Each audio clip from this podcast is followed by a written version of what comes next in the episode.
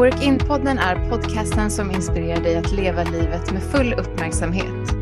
Här utforskar jag, Gabriella Picano, tillsammans med intressanta gäster hur man kan träna sina mentala och själsliga muskler.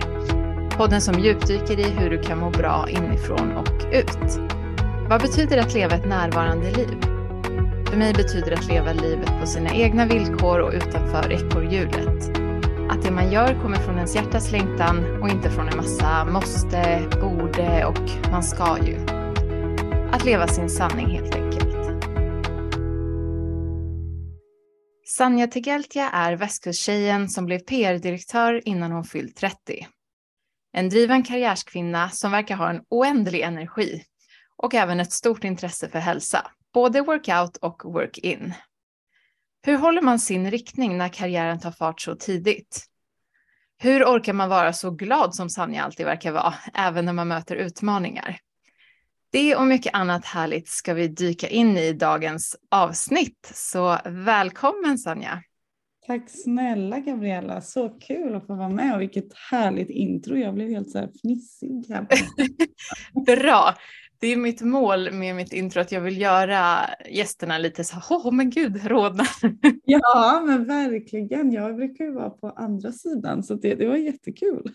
Ja men vad kul, sen är det alltid lite svårare, vi känner inte varandra innan så att jag, jag följer dig på Instagram, jag har gjort lite research så att det är alltid det är alltid kul också vad man, det får vi ju prata om nu, vad man har fått för bild och sen finns det ju oftast väldigt mycket annat under som kanske inte syns när man gör research. Ja, men det är ännu roligare nästan för att då, då ser man verkligen hur det, hur det är med det där utåt versus inåt. ja men exakt, det personliga varumärket, du, du har ju koll på det där. Men jag brukar börja med alltid fråga gästen att beskriva sin känsla för dagen med ett ord. Okej, men med ett ord idag just. ja, jag skulle säga idag är jag eh, trött men, eh, men väldigt harmonisk också. Så att, um, två ord fick du. ja men vad härligt. Nej jag sa det och det är väldigt nyttigt för mig på tanke på ditt intro när man är sådär glad jämt som du hade fått en bild på. Jag försöker embracea att det är okej okay att vara trött och vara det. Ja och även sur eller? Ja, det är man alltid är glad även om man kan vara en väldigt positiv person så men det jag vet om det, om man googlar Sanja Tegeltia, då är det så här PR Queen, PR Queen, PR Queen, eh, PR-drottningen av rang. Det är väldigt kul, för jag har själv en bakgrund inom PR, men en extremt mycket kortare karriär än vad du har haft. Men det är kul för jag känner till den världen, så jag är nyfiken på hur du kom in på den banan. Ja, alltså att du säger det där PR Queen, det, jag, jag ler faktiskt lite för det var verkligen inte tanken. och liksom, det bara blev. Ja. Och, och, lite story of my life, att jag är väldigt lustdriven. Så. Um, och um, jag hade väl egentligen stora drömmar om att jobba med finans. Jag pluggade på Handels i, i Göteborg um, och valde mycket liksom andras drömmar framför mina egna tror jag.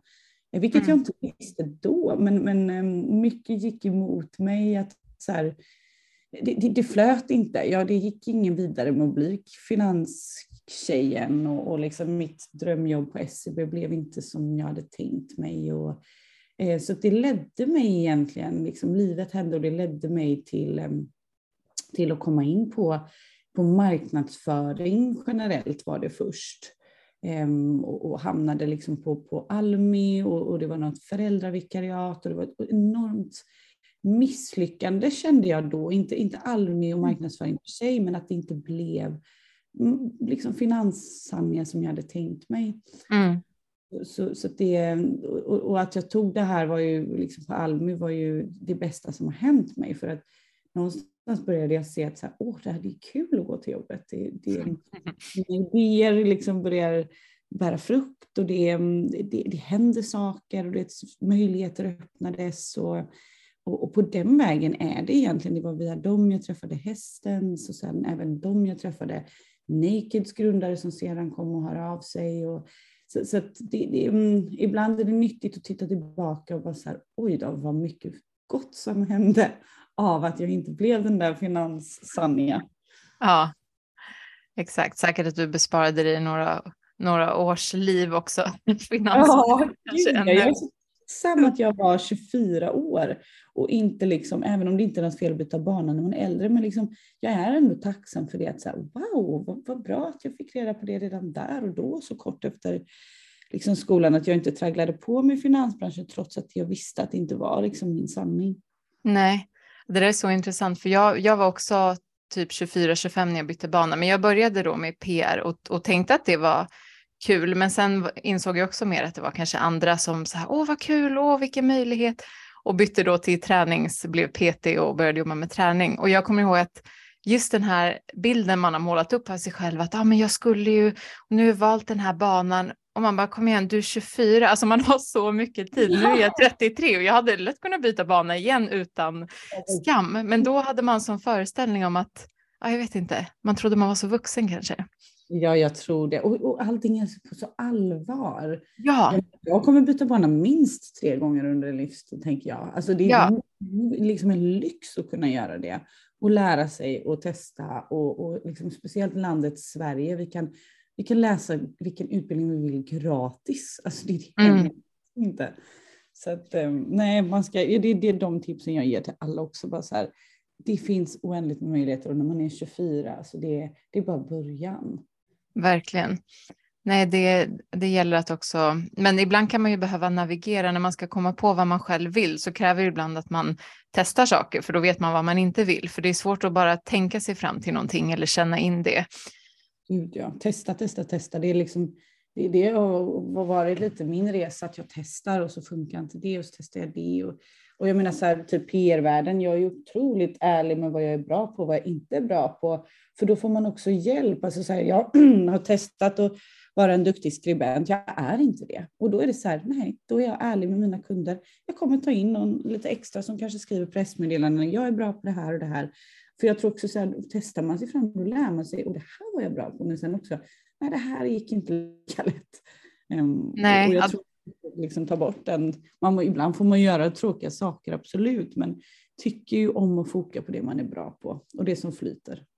Ja, det låter väldigt moget också att kunna säga det, för det är så lätt att man fastnar i att man ska vara bra på allt och man vill inte visa att man inte är bra på något, så man liksom gör det och mm. blundar och hoppas att det ska gå bra.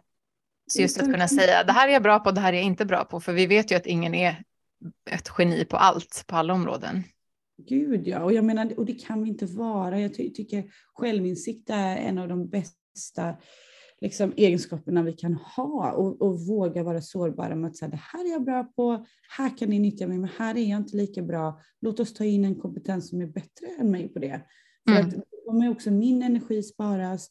Jag kan liksom lägga så otroligt mycket energi på att skriva ett A4-pressmeddelande som, tar, som för någon tar kanske en kvart och, och de tycker att det är hur kul som helst. Ja.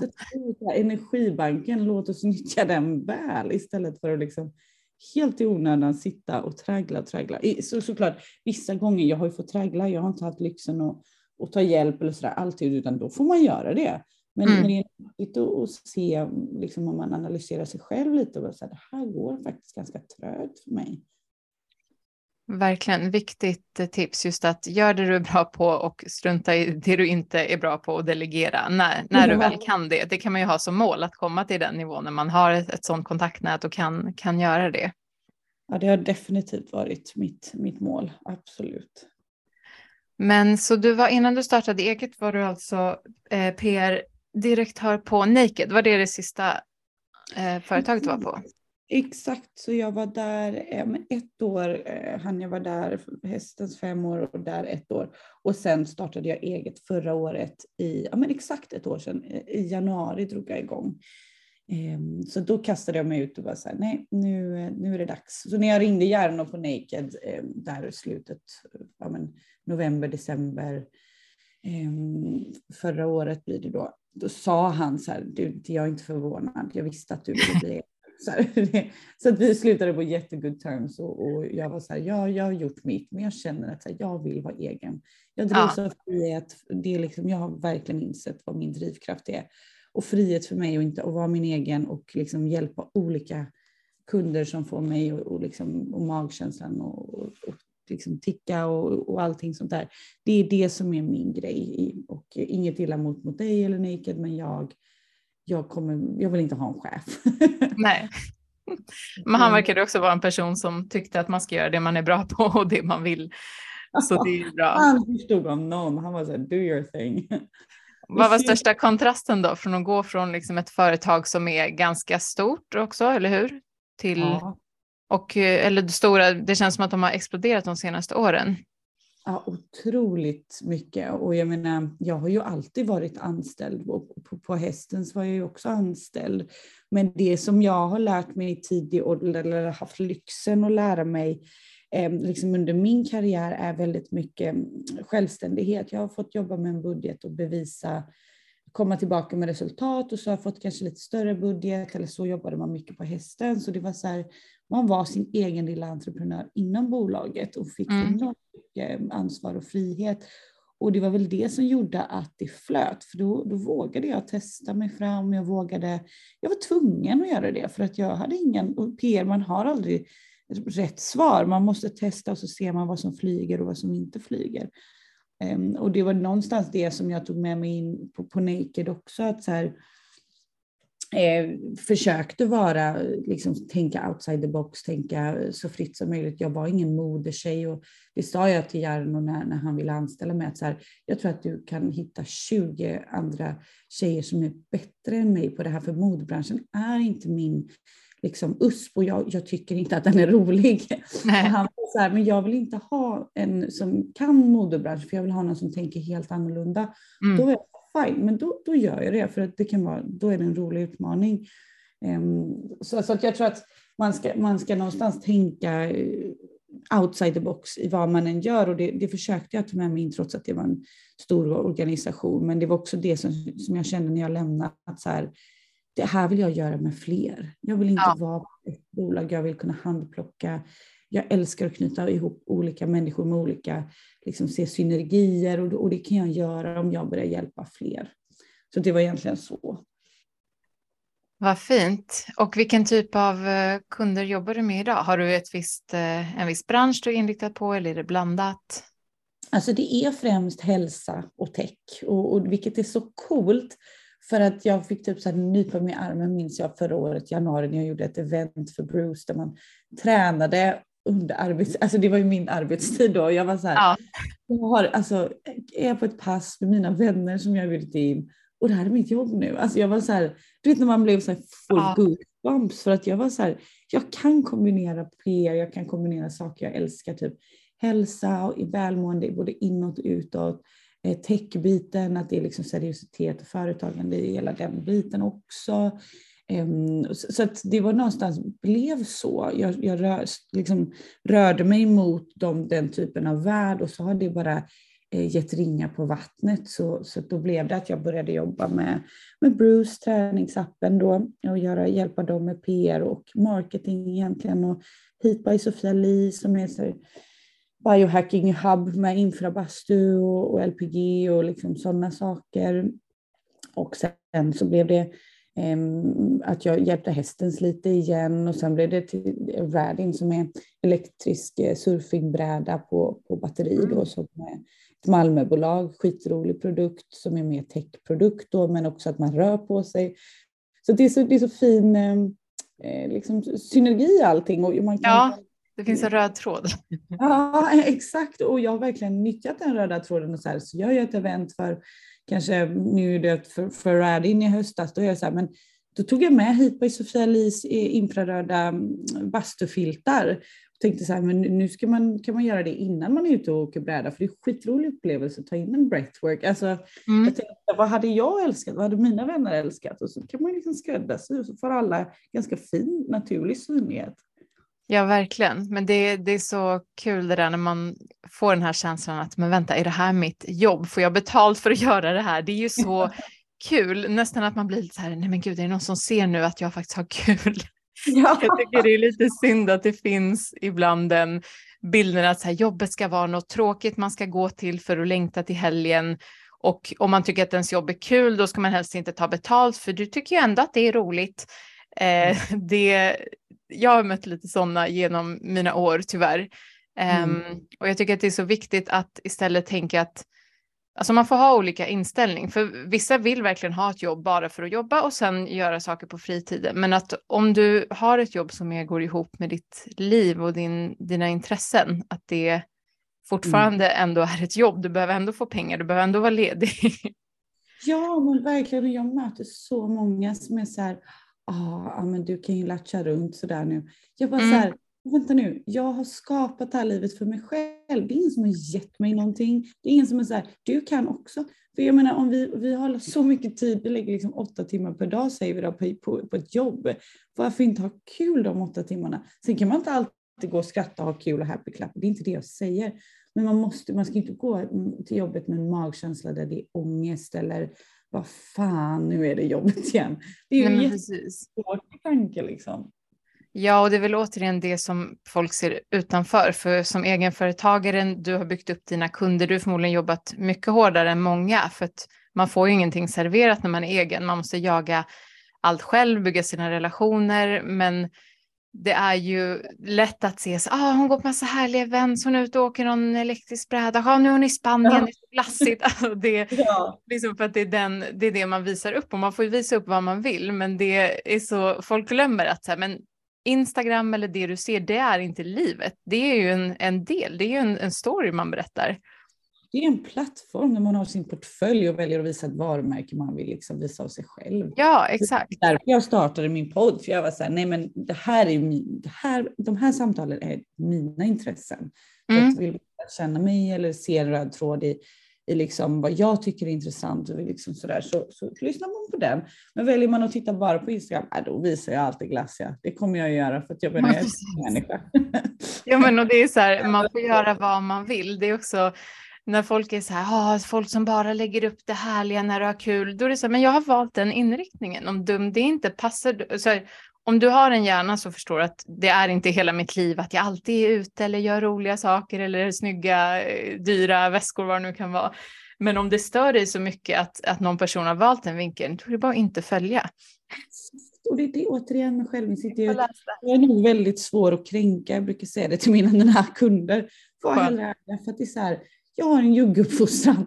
Det är svart eller vitt. Man säger till någon om det är så bra eller dåligt. Eller som pappa kunde säga, det där var du inte lika bra på som det här. Alltså, så det sådär. Ja. Och, följ inte mig, jag blir inte kränkt. Alltså, jag är inte till för att plisa alla andra. Jag kommer vilja plisa mig själv. Och det är så här, det, det är helt fine att sluta följa eller sluta lyssna om det inte passar en. Eller ja. så här. Ehm, jag tror att folk måste tänka mer så. Alltså. Gud vad kul, jag känner igen det lite från här, italiensk uppfostran att, eller folk är mer raka mot varandra generellt. I Italien kan du ha känt någon i fem minuter så börjar du driva med den typ om hur den ser ut, men det är med väldigt mycket kärlek. Men just den här, ja, ja nej. Det, det, det, är väldigt nyttigt men också väldigt um, utmanande för att man förstår ju att alla är ju inte så. så att man, jag fick ju till exempel inte MVG gympa minns jag för att just att jag var för ärlig. Eh, och det var en jättenyttig skola för mig, för jag var jätteledsen. Jag tyckte att jag förtjänade det, hade liksom uppfyllt kraven. Men han sa, du är ingen ledare. Och då var jag så här, va? Varför då? Nej, men du kan inte toppa dina lag. Jag var så här, men vadå? Det är klart jag kan. Om jag, om jag blev lagkapten, då kommer jag ju välja de bästa till mitt lag. Men jag har samtidigt ödmjukhet till att välja inte mig när det är gymnastik. Jag kan inte hoppa över en bock. Så mm. där är jag liksom sett mig på bänken. Han bara, men det funkar inte så Sanja. Alla måste känna sig värd. Och det var så nyttigt för då var jag så här, ja, jag behöver faktiskt inte bli så extrem. För för mig var det så naturligt. Ja, men jag var duktig på den här bollsporten, men jag är sämst på det där. Ta inte mig där, välj mig här. Ja. Och och tänkte att alla funkar så, men det är ju inte så. Och, och, och, och det, så, så, så eh, det var nyttigt, jag förtjänade inte det MVG. Det var mer den här liksom, elitidrottarinriktningen kanske du tänkte, men skolgymnastiken är lite mer soft än så. Det kanske är bra. Ja, men det var också så här, hoppa bock och sånt ingick ju. Då var jag så här, nej, nej, don't pick me. Alltså, det, där, det där klarar jag inte med mina en och, vad var jag då, 1,40 centimeter liksom. Ingen gymnast. Jag hade också, jag tror jag hade, jag fick inte heller mitt MVG i just idrott, vilket är kul som jag jobbar med träning nu. Och det var någon sån här, ja men man skulle, man skulle hålla en egen lektion typ, vilket jag gjorde, det var kravet, men sen så eh, fick jag det ändå inte. Men där tror jag att vi hade extremt mycket bollsport och jag var ju så här, jag var ju dans och gymnastik och det tyckte jag var kul. Och hatade alla bollsporter och det kanske syntes på min utstrålning antar jag. Så. ja men där var ju vi motsatt då. Jag var ju såhär, välj, välj inte mig när det är gymnastik, jag var så dålig. Mm, Look at us now, eller hur? now. Ska vi ringa upp de här? Du bara, jag leder egna företag. Det, var, det var livets skola dock. Jag har honom att tacka för, för att jag har nämnt det många gånger och det var en eye-opener för mig. Ja, men precis. Även ledarskap, att jag liksom, nej, nu, nu liksom, har fått jobba på det. Man kan vara tydlig och rak, men man kan göra det på ett schysst, snällare sätt. Mm. Jag hade ju, hade ju min bakgrund från mamma och pappa, men det säger ju inte att alla har haft samma uppfostran och att jag kan utgå från mig själv. Liksom. Känner du att du har någon har eller har haft någon stark inspiration, alltså någon person som har inspirerat dig eller flera personer i, i det du har valt i din karriär?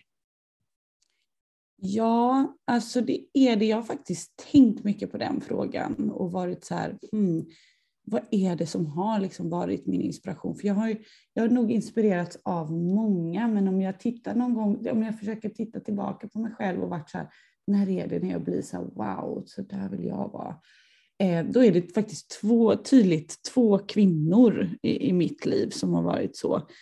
Och det är, ja men det är kanske klyschigt, men, men det är faktiskt min mamma som mm. har varit den som fixar och ordnar och liksom aldrig gnällt och jobbat hårt, haft typ tre jobb när vi kom till Sverige. Och det var inga konstigheter att skapa det man vill för sig. Mm. Vilket gjorde att jag antagligen har sett att här, man kan skapa sitt drömliv.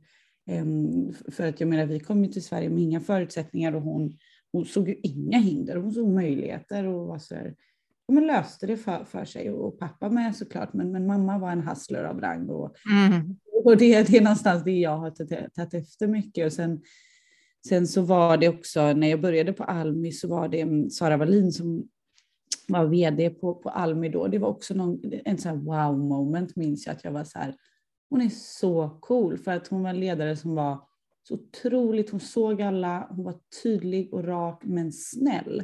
Mm. Och jag har någonstans då som ville bli finanskvinna och såg upp till typ Annika Falkengren, trodde jag då, dåvarande vd på SEB. Mm. Man måste vara en power bitch, man måste vara stoneface och du vet sådär. Och det är inte jag. Nej. Så jag någonstans, du vet, såhär, när jag såg Sara, att jag bara, hon kan. Hon är typ en av de mest omtyckta ledarna och hon var så omtyckt av alla på liksom bolaget och, och gjorde otroliga resultat. Och, ja, men du vet, så här, och då såg jag verkligen någonting att så här, det går att vara båda. Mm. Man kan vara tydlig, rak, bestämd, göra framgång, men man kan fan vara schysst och se folk.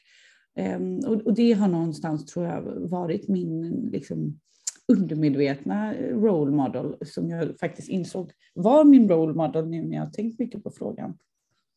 Ja, vad inspirerande. Jag tycker det här med snällhet är så viktigt. Eller jag har också senaste åren börjat uppskatta det mer. Eller framförallt eh, tänka att just det, man kan vara snäll. För jag har också känt att ja, jag är driven och så, men aldrig varit den här tuffa, hårda och tänkt att så måste man ju vara om man ska ta sig fram. Lite elak nästan. Mm. Men när det inte går liksom, i linje med ens personlighet, sen ser man de här, det är så inspirerande att se de personerna som kan vara tuffa och få bra resultat, men ändå har snällhet.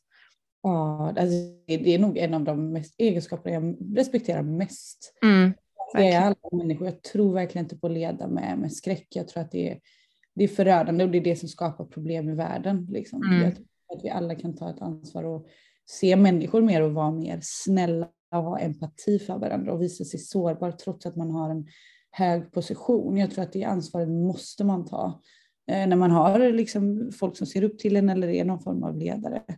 Ehm, så, så det är en lång resa att gå för, för, för, liksom, för att få världen dit tror jag, men att om vi alla kan ta i alla fall det ansvaret och försöka så, så tror jag att det hade varit en mycket bättre värld. Mm. Håller helt med.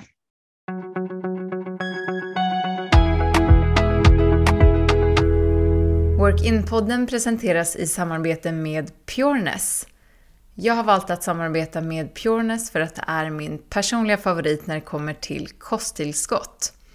Jag vet att de bara jobbar med de bästa producenterna och de renaste näringsämnena och att hälsa för dem, precis som för mig, betyder hälsa inifrån och ut. Pureness skördar många av ingredienserna till sina produkter i de nordiska skogarna och de garanterar kvaliteten genom tester både i sina egna laboratorier och i oberoende labb så att du ska veta att du får de renaste produkterna med bäst näringsämnen. Om du vill handla Pureness produkter så har jag en rabattkod, så WORKIN20 ger dig 20% rabatt på ett köp på Pureness hemsida. Alltså WORKIN20 med stora bokstäver på pureness.se. Tack Pureness!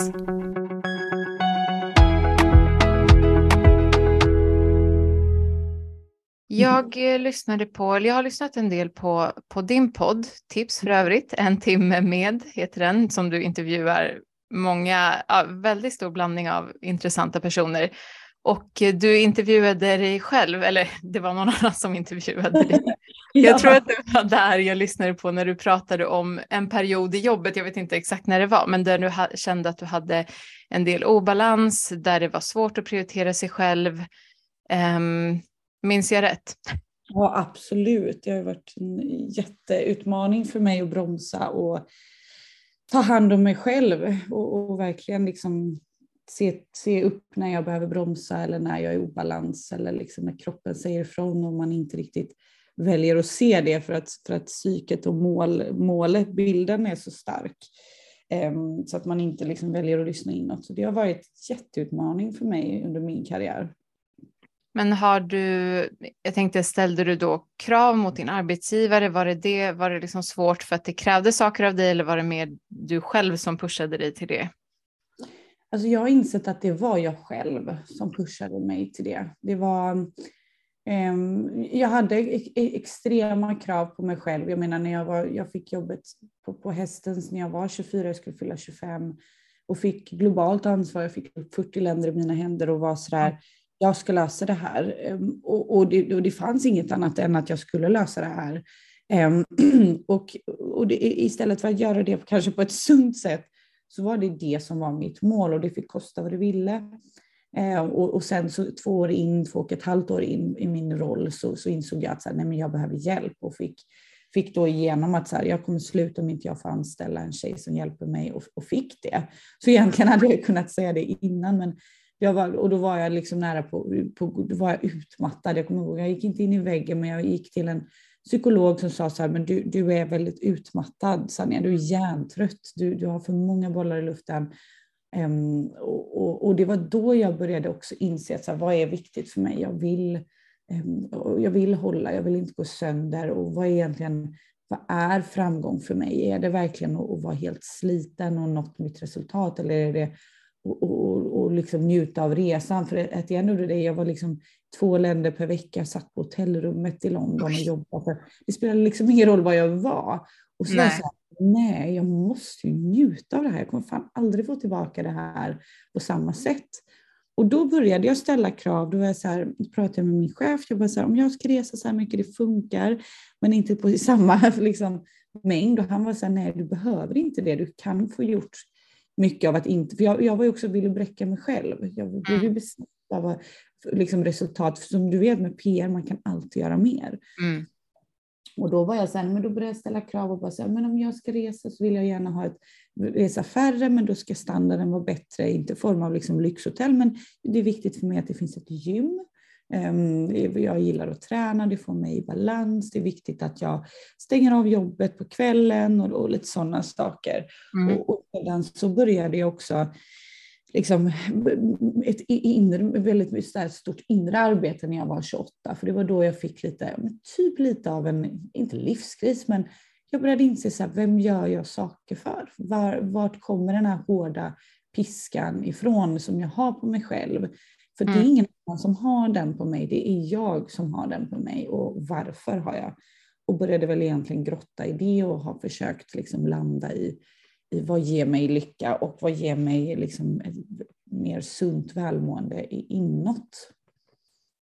Kom du fram till vem du gjorde vem gjorde du det för? Ja, ja men det var väldigt mycket liksom.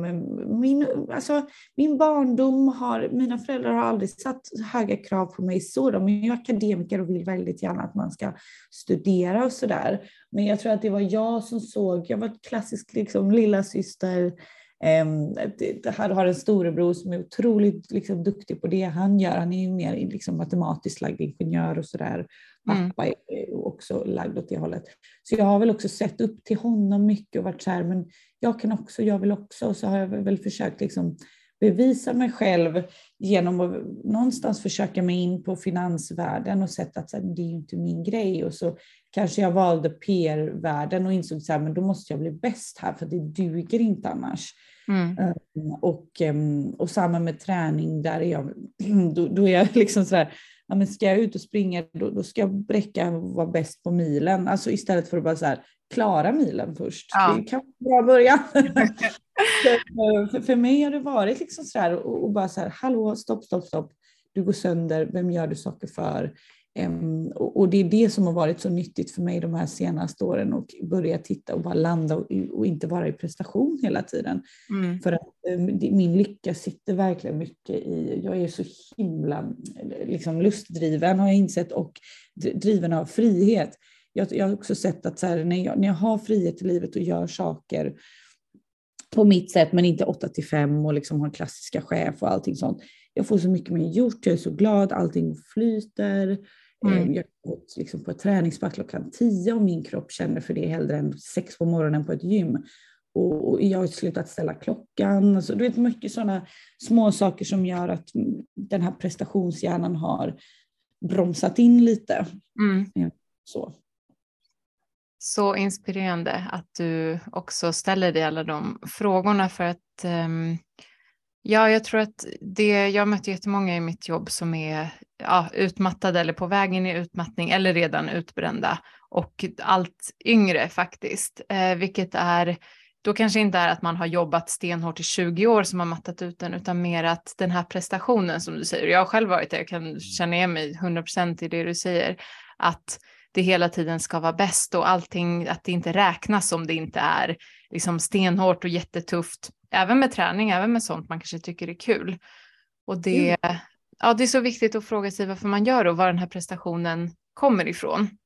Det är så viktigt och pinpointa vad är det som triggar de här grejerna. Mm. För att en sak är ju att liksom fråga sig det, men sen måste man ta tag i det. Ja. Allt handlar liksom om att göra, och liksom, eller inte, nu är det prestation igen, men du är med på vad jag menar, hitta triggers och försöka faktiskt jobba bort dem. För att för mig har det varit så här, man hamnar tillbaka, det är ingen rak linje uppåt i, i inre arbete. För mig är det hela tiden, vad är det som triggar det här? Och, och att jag började gå på stillsamma pass var jättenyttigt för mig som är liksom, ganska hetsig, gillar att svettas och sådär. Mm. Och, och vi säger, men yoga är inte för mig. Nej, det kan, kanske inte är och det är det inte alltid för mig heller. Men för mig blev det att hitta till breathworken. Jag provade mig fram, jag har jättesvårt att sätta mig i meditation. Ibland vill inte min kropp eller hjärna alls sitta i meditation. Så breathwork för mig blev en, en klass jag började gå på en gång i veckan då jag insåg att så här, wow, det här funkar faktiskt för mig. Mm. Och du vet, började, okej, okay, men då gör jag det i alla fall. Börja smått, men då behöver jag inte gå på både yoga, meditation, breathwork och du vet sådär. Börja med det, det får vara okej. Okay. Och sen så var det också så här, men mår jag bra av att springa runt på hundra luncher och events i Stockholm och sådär? Nej, jag gör inte det. Kan jag begränsa det här till en lunch i veckan och sen faktiskt sätta nästa lunch nästa vecka och säga att jag kan inte den här veckan. Eh, och just säga nej och så att man också börjar säga vad är det som triggar igång det här beteendet, den här jakten och, och faktiskt bromsa in det är så jäkla nyttigt. Mm. Och vad, eh, gud så många följdfrågor på det här, jag tänker vart jag ska börja. Eh, nej, jag tänker att precis att säga nej känns ju som det, det viktigaste att lära sig, men ehm, Eh, nu tappade jag tråden. Jag tänkte på, ja det är kul det här också när, när vissa så här, ah, men äh, nu ska jag hålla på med personlig utveckling, du ska bli bäst på det, eller jag ska bli bäst på att slappna av, jag ska meditera tre timmar ja. Liksom. Och det där har varit jag. Alltså, så prestation. Det är därför jag säger, delar med mig så öppet av det, för att det, jag blev besatt istället av att vara bäst på hälsa. Ja. Och det är fel också. Du vet, jag rände runt och bara, jag måste hinna till min infrabastutid och sen skulle jag på breathwork, sen skulle jag också hinna med ett pd Så då blev jag så här, men vänta nu. ja, och det, det är det man, man, man det, det är konstant liksom kamp i att inte göra det till en prestation. För att vi har mm. levt, så många av oss, hela vårt liv. Och, och, just det här med, för mig blev det en tydlig grej att inte ställa klockan och faktiskt liksom och, och jag har gått till en otrolig man, Dr. Diamanti, som du säkert mm, ja. kinesisk örtläkare och han har jobbat stenhårt med mig på att så här, bara vara Sanja. Bara mm. försök vara, känn efter. Jag fick ta av min åraring, jag har fått sluta mäta. Mm. Jag, var så här, jag tog av den ett tag och sen, sen så kom jag tillbaka till honom och så hade jag den på. Han bara, vad har du på? Jag bara, men jag mår bra nu. Han bara, Sonja, du kommer hamna tillbaka i mätprestation och allting på ja. två sekunder. Liksom. Så nu har jag den av och känner så här, jag måste faktiskt låta mig själv känna efter. Så det har varit en jätteresa från Sanja som har ställt klockan kvart i sex eh, liksom hela karriären för att alltid svettas på morgonen för det har jag ju trott, det gör ju min dag och det gör mig lycklig och glad. Nej, men ja, jag gillar absolut att starta dagen med rörelse men jag behöver sova först, jag behöver känna efter. Mm. Är det en morgon där jag vill kanske ta, bara ta en liten promenad eller oh, nu har jag massa energi, men då, då drar vi av ett intervallpass liksom. Mm. Um, så inspirerande. Det är kul. Jag har också sagt till många PT-kunder här att ta av sig ja, sina klockor och sina mätgrejer för att ja, men pulsen, ja, jag kollade och den är lite högre än igår eller sömnen och sen så tar de bort den och då bara nu blev allting bra. Bara, ja, men det var för att du stressade dig själv genom ja. att och det blir det här man vill hela tiden bli bättre så här, bättre på att sova, bättre. Och det finns, alltså jag tycker också det är jättekul och intressant att mäta sin egen hälsa och det finns ju jättemycket verktyg, men man får hitta balansen mellan att det är intressant för att man kanske behöver förbättra något, kanske att man vet att man behöver sova mer och mm. att det blir en besatthet så att det blir en stress istället, för då är det ju helt motsatt effekt. Gud ja, och jag menar det, det är så intressant som du säger, det blir ju en besatthet av att optimera sin hälsa. Mm. Helt om man är prestationsdriven och, och, för mig blev det ju så här, för jag, jag hade ju då enligt mig själv då helt perfekta värden när jag kom till Diamantis. Det var så nyttigt för mig för jag bara, jag, bara, jag vet inte varför. Han bara, varför är du här? Jag bara, det är det som är konstigt. Jag har perfekt sömn. Min HRV är bra, min, eh, du vet, jag tränar bra, jag äter antiinflammatoriska. Han var så här, ja men vet du vad du inte mäta Sanja? Du kan inte mäta ditt nervsystem. Och obviously är det helt fucked up.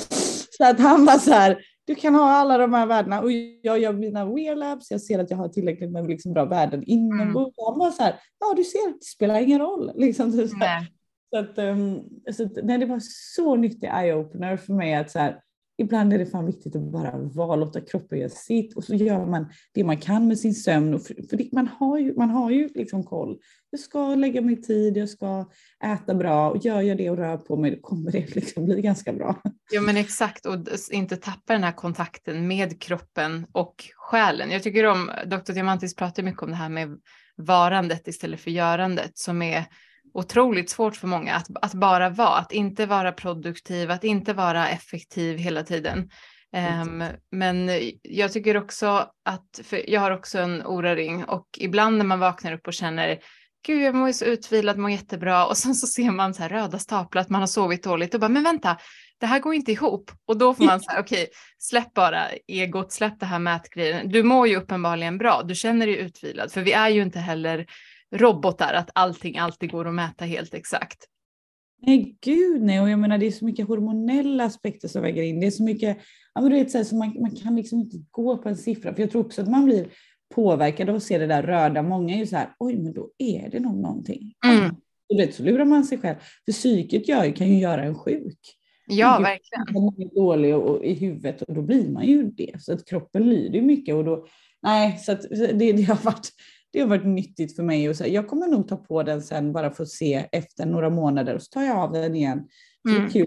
Men, men nu som jag känner nu är det så här, det är skönt att bara vara och jag är likadan med, med och, och egentligen alltid varit så med karriärmål och företagsmål. Folk är så här, men vad är planen framåt? Jag säga, ingen aning. Alltså jag, jag njuter så mycket av att vara nu. Och det, det, det, det provocerar så många men alltså det, det, jag har ju det jättebra tänker jag. Eller så här, jag ja, vad skönt att känna så. Njut av det. För det, vi vet ändå inte vad som händer framåt. Vi kan ändå inte planera allt. Alltså det är klart man kanske måste sätta upp mål för vissa kunder och man jobbar mot projekt. Ja, men ja, man måste ju inte heller veta vad man vill med Alltså så här, man kan ju veta vad man vill med livet, men det är fortfarande bara vad man tror. För ingen, det blir ju aldrig som vi hade tänkt, tack och lov, för att det hade ju varit svintråkigt. Men precis som du sa i ditt karriärval, att du bytte från finanser, man tror någonting, vi, vi vet ju bara det vi har här just nu ändå, så att vi kan göra mycket planer vi vill.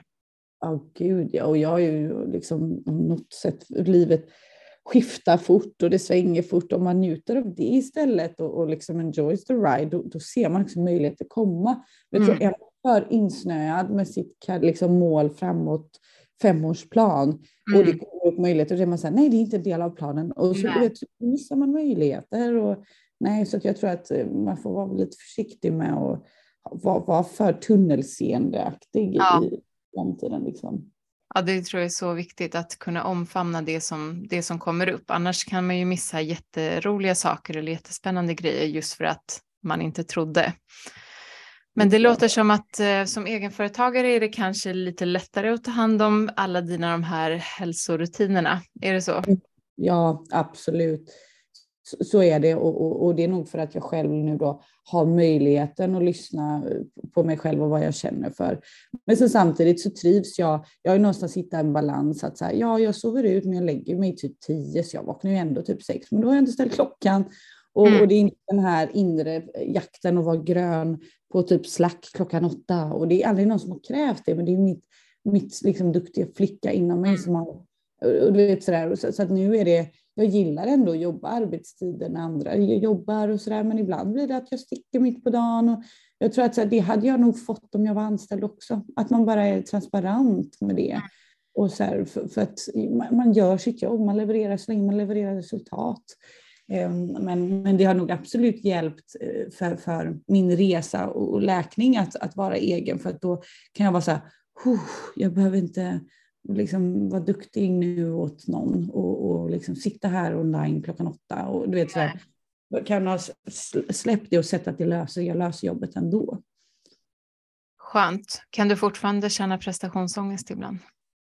Gud ja, absolut. Man har ju liksom de här kraven på sig själv om, om man vill leverera och speciellt i PR-världen man vill hitta nästa PR-success. Liksom. Mm. Eh, och speciellt det är ju liksom när man har, jag har ju haft turen då att få fått igenom några roliga eh, PR liksom, happenings med, med hästens, det var Emily in Paris och ganska stora saker som vi fick, vi fick att hända. Och då blir det såklart att andra kunder säger, oh nu ska vi göra samma för oss. Ja, förväntningarna. Jag, jag försöka. Eh, men, men det är också, jag tror att det det, man har den här pressen på sig och ibland om man gör den, det är inte alltid dåligt att ha en press på sig. För att då, då triggas, jag i alla fall triggas igång, så länge man håller det på en sund nivå och försöker göra så gott man kan. Och för mig är det att göra så gott jag kan och göra en sak i taget. För att börjar jag också göra allt och ingenting, då, då, blir jag, då får jag ingenting gjort. Så man får ju också vara ärlig mot sig själv där. Att så här, ja, men, vad är det som orsakar den här pressen? Är det att, att verkligen att det är press att jag inte ska lyckas? Eller är det att jag är så stressad för jag kan inte fokusera på en sak här nu? Mm. Jag bara slösar bort en hel dag på att vara all over the place och då, det skapar en stress att jag inte har gjort något. Ja, det kan ligga i någonting i det. Så att, um, ja. På svar på din fråga, jag känner absolut ja ångest. Ibland. Jag tänkte på, för det känns som att du har gjort väldigt mycket mm, ja, men jobb med dig själv och kanske också som det ofta är att på grund av att du har stött på de här utmaningarna och ja, man tvingas till det. Och um, vad skulle du, eller kan du ge något tips till någon som kanske är ja, men kanske några år yngre än dig eller lika gammal, men som kanske är i den här fasen där du var innan, att man presterar väldigt mycket för någon annan eller man presterar för sig själv, men det kommer kanske inte från från hjärtat utan från att man ändå vill se bra ut. Hur, hur gör man den här utvecklingen som du har gjort? Har du tagit hjälp av någon eller vad kan vara liksom ett första steg? Alltså, jag tror, jag har, liksom, jag har ju det här intresset otroligt mycket så jag lyssnar väldigt mycket på poddar och läser böcker. Och, ja, min kompis Ebba säger alltid du och dina självhjälpsböcker, kan du inte lyssna på dem? Jag, vill jag tycker det här är jättekul. Um, och, och, och, sådär. Så jag tror att en kombination av att ta hjälp, fråga andra, lyssna på hur andra gör med inre arbete. För att vi är många som tampas med de här grejerna. Och det finns Mm. många där ute som delar med sig av sin resa och, och pratar om ämnet precis så som vi gör nu. Hur tampas man med det? Och, och så försök lyssna och ta efter där. För att jag, jag, kan, jag kan träffa många som är runt 25 nu då, som kanske liksom är i den prestationsfasen och, och tänker att det inte är bra nog. Och då är jag så här, men det är bra nog, slappna av, för det kommer bli så mycket bättre resultat. Mm. Det såg jag bara på events när jag träffade, höll mycket events och hade att göra med människor. Det var events där jag inte var närvarande för jag var så stressad av att det skulle bli bra. Då blev Ja. det inget event. Det var väldigt tydligt för det satte en energi. Mm. Sen däremot när jag var närvarande, pratade, skrattade eh, och var mänsklig och såg människor, då blev det ett helt annat event. Mm. Även om det gick abbar, gick, gick snett här och där, folk märkte inte det för jag Nej. var inte stressad. Ehm, och det var så tydlig, tydlig, liksom, tydlig grej med just events, att det var så, så olika beroende på hur mitt mode var. Så att där och då insåg jag att nej, närvaro och liksom vara avslappnad och, och fokuserad och bara här och nu gör så mycket mer än, än vad man tror. Mm, ja, det kan jag verkligen hålla med om. Det kan märkas så tydligt och det har man ju upplevt själv också att när man inte har varit närvarande, ja, som du säger, för att man antingen var stressad att det skulle bli bra Mm. eller att man tänkte på nästa steg, ja just det, det här imorgon och sen kommer det. Är man bara i stunden, då, då blir det bra för man får ett annat lugn. Och jag tror det är också ett jättebra tips det här att ja, det, det är så svårt att ta till sig när man är ung, men när man tar inte saker på så stort allvar. Jag störde mig jättemycket på när folk sa så när man var yngre, för det är så här, men det är ju jätteallvarligt. Det var ju så här, världen går ju under. Åh, 30-plussaren nu som bara, jag har insikter nu. Nej, men, det känns, så men, men det är så sant. Att det är ju ingen allvarlig grej. Men, men, men också så här, när jag var yngre, jag fick höra det av en gammal chef till mig som var så här, eh, för jag var på PS Communications, då var det innan banktiden, eller jag var innan jag valde finans, då testade jag praktik där Mm. och för att eh, te- testa på och, och, och då, då fick jag en jätteviktig kund för att en blev sjukskriven, en projektledare. Och då var jag typ 22 och jag fick deras viktigaste kund under um, Volvo Ocean Race var det ett event. Mm. Och så tog jag det här, jag bara, jag, bara, jag löser det. Och, och då sa han så här, klarar du det här nu? sa chefen. Jag bara, vad är det värsta som kan hända? Och han var den inställningen, han bara, hans axlar sjönk. Aha. Han, han skrev nämligen det här till mig för ett tag sedan, bara så här, jag minns dig så väl för att du sa så. Och då var jag så här, fan det är nog det som har gjort att det har gått, vissa grejer har gått så bra. För jag har nog haft det undermedvetet och bara så här, äh, vad fan är det värsta som kan hända? Det är ju inte, det är inte surgery liksom. Nej men exakt. Och jag tror det ligger ändå någonting i det, när man inte ser på det så jäkla allvarligt, då blir det ganska härligt. Ja, bra inställning att ha när man var 22. Ja, så jag var nog så, såg på det allvarligt ibland och hade prestationsångest. Men någonting inom mig var kanske ändå sådär lite orädd och bara, äh, whatever, vad är det värsta som kan hända? Ja, men det, när jag har varit som mest stressad ibland, då har jag också tänkt så okej, men kommer någon att dö nu? Nej, okej, men då, då är det lugnt. Så det, det är bra att jag inte är hjärtkirurg eller något sånt. Det Ehm, var faktiskt ett bra tips. Jag läste en bok om hur man, hur man tar hand om oro och sånt. Jag är Ja. sån.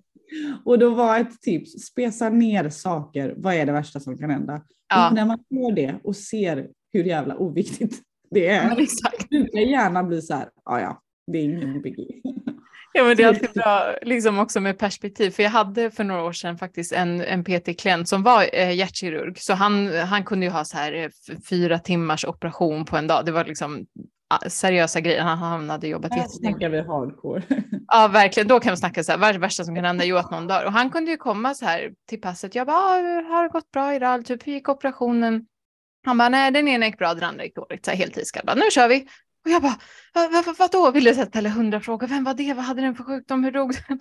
Men det var ju så här, ja, det är ju hans jobb. Han har ju gjort sitt bästa och det betyder inte heller att alla ska överleva som han opererar. Han har ju gjort sitt jobb. Så det är också så här, ja just det. Till och med de kan tänka att de har ändå gjort sitt bästa.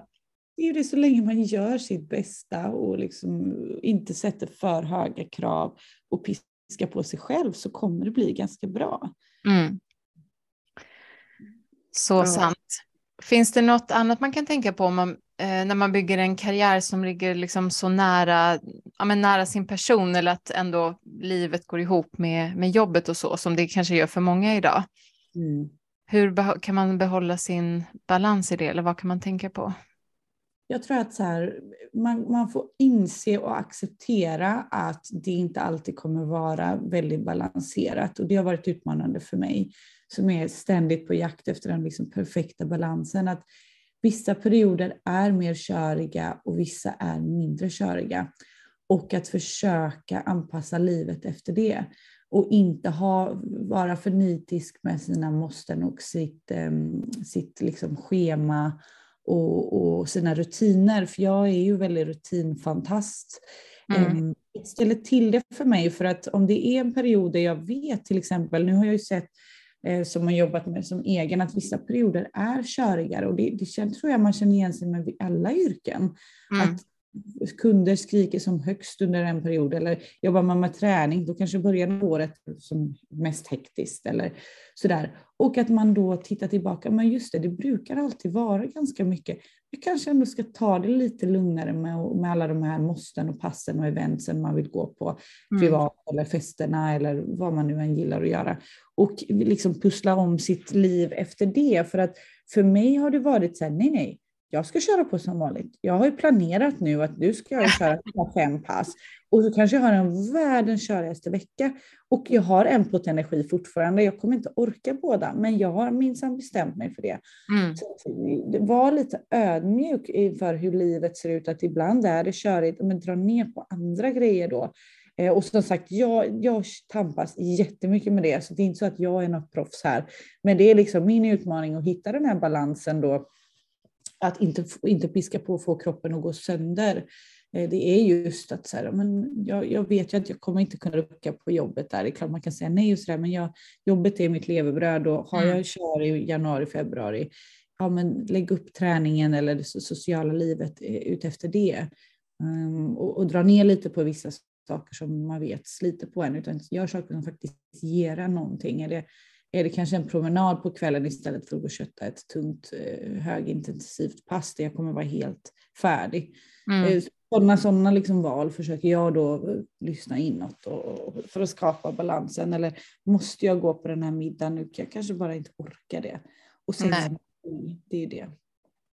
Ja, men det är väldigt smart. Det handlar kanske också där om att vara snäll mot sig själv och lite förlåtande i det här med.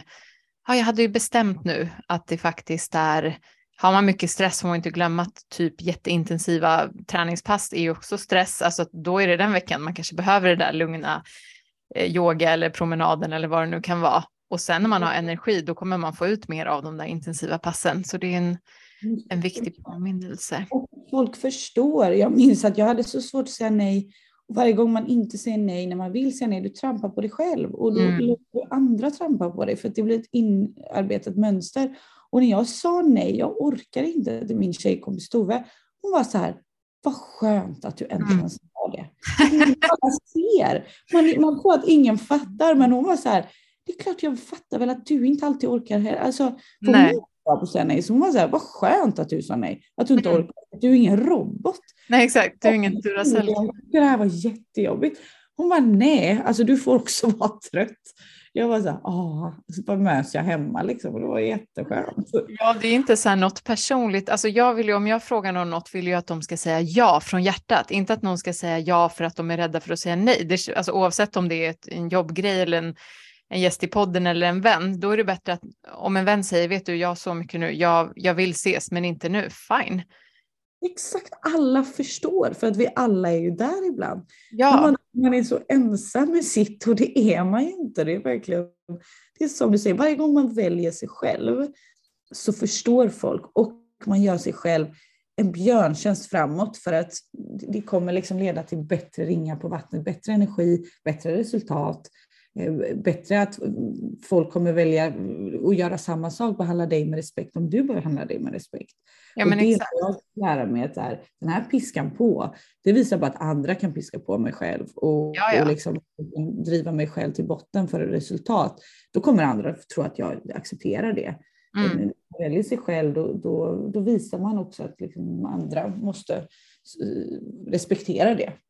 Ja, precis. Det blir, för annars blir det lätt att man är den där som säger ja till allt och sen som i sista minuten ställer in för att man pallar inte och känner att man håller på att gå sönder om man skulle gå, behöva gå på ett event samma kväll. Och det är inte heller kul. Och då är det bättre också, tror jag, att vi skulle behöva öva oss på att bara säga nej utan att alltid förklara oss så mycket. Så här, vill du det här? Nej. Okej. Okay. Men det är sjukt svårt. Det är så svårt och där kan man bara säga nej, jag är trött. Ja. Det är en utmaning för mig. Jag är trött eller nej, jag orkar inte. Mm. För det är också visa sig sårbar och liksom inte svag, för jag har fått jobba på att inte använda det ordet, för det är ingen mm. svaghet att vara trött och behöva vila, utan det är så här, jag är mänsklig, jag mm. behöver ladda batterierna. För mig är det så viktigt i och med också att jag visar en livsstil och jag har säkert någon bokstavskombination för jag har mycket energi. Jag mm. orkar inte grotta i det för att det är också så här, vissa säger så här, men du har ju så mycket energi. Ja, det ska jag inte hymla med. Jag har jättemycket mm. energi. Men jag är också... Den är inte oändlig. Den är inte det. Och det har varit sån lärdom. Jag är också jättetrött ibland, typ idag. Ja. Jag är jättetrött idag. Jag har inte gått någon morgonpromenad och jag får låta mig själv se att det är okej. Okay. Um, och, och, faktiskt vara ärlig med det. Eh, så, så att, um, nej, det, det, är ju ett, ett, jobb vi alla gör med oss ja, själva. Men tror du att det finns något som företag idag kan bli bättre på i att eh, ja, ta hand om sina anställda, just uppmana till det här eh, ja, men inre välmåendet? Ja, nej, men det tror jag absolut. Jag tror att istället för många after works som man faktiskt anordnar eller teamaktiviteter att man kan göra någon typ av kanske breathwork ihop, ta dit någon breathwork coach bara för att få folk att upptäcka det. Det är någonting för alla, man ligger ner och man lyssnar och man gör andning. Alltså så. Mm. Det kanske inte passar alla, men kan man väva in sådana saker eller göra att, jag tror ju jättemycket på arbete under frihet, att man får lov att jobba hemifrån om man levererar resultat eller att man uppmanar till att träna när man vill på dagen, jobba mm. när man vill på dagen, för vi är så olika. Ehm, jag är jätteproduktiv på förmiddagen, inte eftermiddagen, då tappar jag av koncentration. Så att jag försöker liksom anpassa mitt liv för det, min träning efter det. Vissa tänker så här, men jag hade verkligen velat träna tio på dagen, men jag kan ju inte smita från kontoret då, vad ska folk säga? Och så där. Är man en arbetsgivare som uppmanar det, men då gå när du vill, när du har bra energi, rör på dig, du kommer komma tillbaka gladare, kommer ha mer energi, sitta mm. och jobba en sen, timme senare på kvällen, eller liksom pussla, men jag tror mycket på att leverera istället resultat och så bevisa att du kan lösa det. Mm. Eh, för vi blir så mycket lyckligare av att inte följa ekorrhjulet. Vissa älskar 8 5, låt dem också älska det då. Eh, men, men uppmana till olikheter, för vi är så olika. Mm, jag tror också verkligen på det här dynamiska, att använda sin energi när den är som bäst. Och det verkar i alla fall som att många företag har blivit mer tillåtande med eh, efter pandemi, eller tillåtande, jag tror egentligen vi bara insåg att det gick. Ibland så är det så sjukt att, att man borde ha kunnat inse det innan, men det krävdes liksom det för att vi skulle säga, jaha, nej, men det här gick ju lika bra att göra på distans eller ja, anpassa tiden. Alla behövde inte sitta på samma plats, åka tunnelbana samma tid, gå och träna samma tid, utan det fanns andra sätt. Nyttigt och, och att man ser vilka klarar det inte, vilka levererar inte. Det ska inte uppmana till, nu uppmanar inte jag till att man ska hetsa och leverera massa resultat, men jag tror att så här, det blir också upp till bevis och inte sitta och chilla bort en hel dag, för det kan man inte heller göra. Det är såklart, man behöver ju ändå göra. ja, exakt, exakt. Det kommer märkas och, annars. Det kommer märkas och det är det man får ta då. Att vill man ha frihet, ja då, det, det liksom, då får man ju också ha pli på sig själv och självdisciplin. Eh, sådär. Så det, det, det är ju inte piece of cake, men, men det är värt det. Mm. Ja, det, eh, det känns som så mycket fina insikter från dig. Jag tänkte vi ska avrunda med en sista fundering kring, för det finns ju många som Um, kanske inte att de jobbar så mycket, men de är mer stressade för att de inte riktigt vet vad de vill. De känner kanske att de vill göra en förändring, men, men vet inte riktigt vad de vill eller vad de är intresserade av. Eller finns det något tips du skulle kunna ge där till hur man kan öva sig på, på att lyssna på den här inre rösten? Ja, alltså jag skulle säga börja smått, börja och liksom lyssna på kanske Ehm, jag brukar ge tipset om att börja lyssna på Dr. Diamantis bok exempelvis. Han pratar mycket om att lyssna inåt, lyssna till själen och vad är egentligen lustdrivet. Så man inte behöver säga upp sig och göra några drastiska val eller välja ett otippat pass för inre arbete. Alla behöver inte gå på meditation eller breathwork eller yoga eller så. Välj någonting och så gör det. Eller en podcast som du inte brukar lyssna på.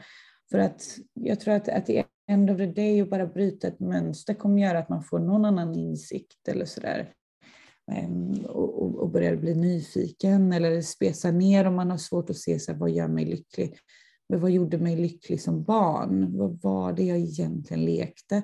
Försök mm. göra den analysen. Var det, var det röra på mig eller var det satt sitta och rita? Eller var det att sparka boll mycket och vakt? Alltså du vet sådär som man kan mm. Försöka se.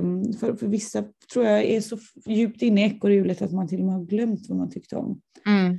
Mm, ja, det är ett bra sätt just påminna sig om vad man gjorde, för då var allting så intuitivt. Man gjorde det man ville och man hade oändligt med tid när man var liten. Så det är bra, bra rekommendation.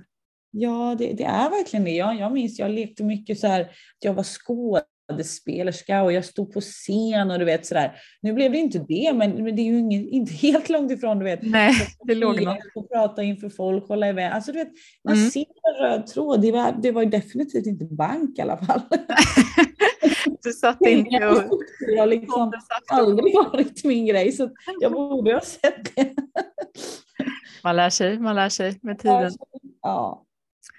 Har du något tips på, jag tänkte jag letar efter fler poddgäster, så jag kom på spontant, har du någon du känner den här personen hade varit intressant att lyssna på i Work-in-podden? Oh, många. Det har jag ju verkligen. Vad eh, svårt att välja en. Du får säga fler. säga fler. Men då ska jag gå in och börja kika vilka jag eh, har lyssnat på eller som jag tycker är riktigt intressanta. Mm. En som är eh, otroligt liksom, duktig och bra på det hon gör och har en väldigt tydlig bild framåt och som jag hade velat veta lite hur hon resonerar kring inåt är faktiskt Camilla Bastin. Mm, spännande. Ja, hon har she got her shit together men också att man vill veta hur. och sedan så tänkte jag på vilka är det mer mm, som jag tycker är intressanta. Jag lyssnar ju också på väldigt mycket internationella poddar och sådär. Men, ja, men eh, the, the, universe is the limit, så det kan vara någon internationell. ja, men då är det, där tycker jag att det är otroligt, en av mina, vad heter det, mest en, en, ett avsnitt som jag tycker är en av de bästa jag har lyssnat på är um, The Happiness Expert, Mo, uh, Mo Gavdat heter han. Mm. Det är verkligen ett tips och han har skrivit en bok, The Solve of uh, Happiness. Ah, vad spännande. Otroligt bra bok och otroligt bra människa. Han är väldigt eh, ingenjörig, hög chef på, på Google, men han har konkretiserat eh, liksom, vad är lycka i livet utan att göra det för spirituellt men inte heller utan att göra det för mätbart och, och ingenjörigt utan han har, mm. jag tycker, den perfekta mixen. Så det är de två jag kommer på nu, nu bara jag mm. svamlar. Mm. Ja, men jättebra tips, nej verkligen. De hade jag själv inte tänkt på. Så tack för det och tusen tack att du tog dig tid. Det var så kul att ha med dig. Tack själv och det var jättekul att vara med och prata om lite annorlunda grejer än vad jag, vad jag brukar kändes det som. Ja, men jag tänkte det. Um, tack till alla er som lyssnar. Vi hörs som vanligt i nästa avsnitt, så ha en jättefin vecka.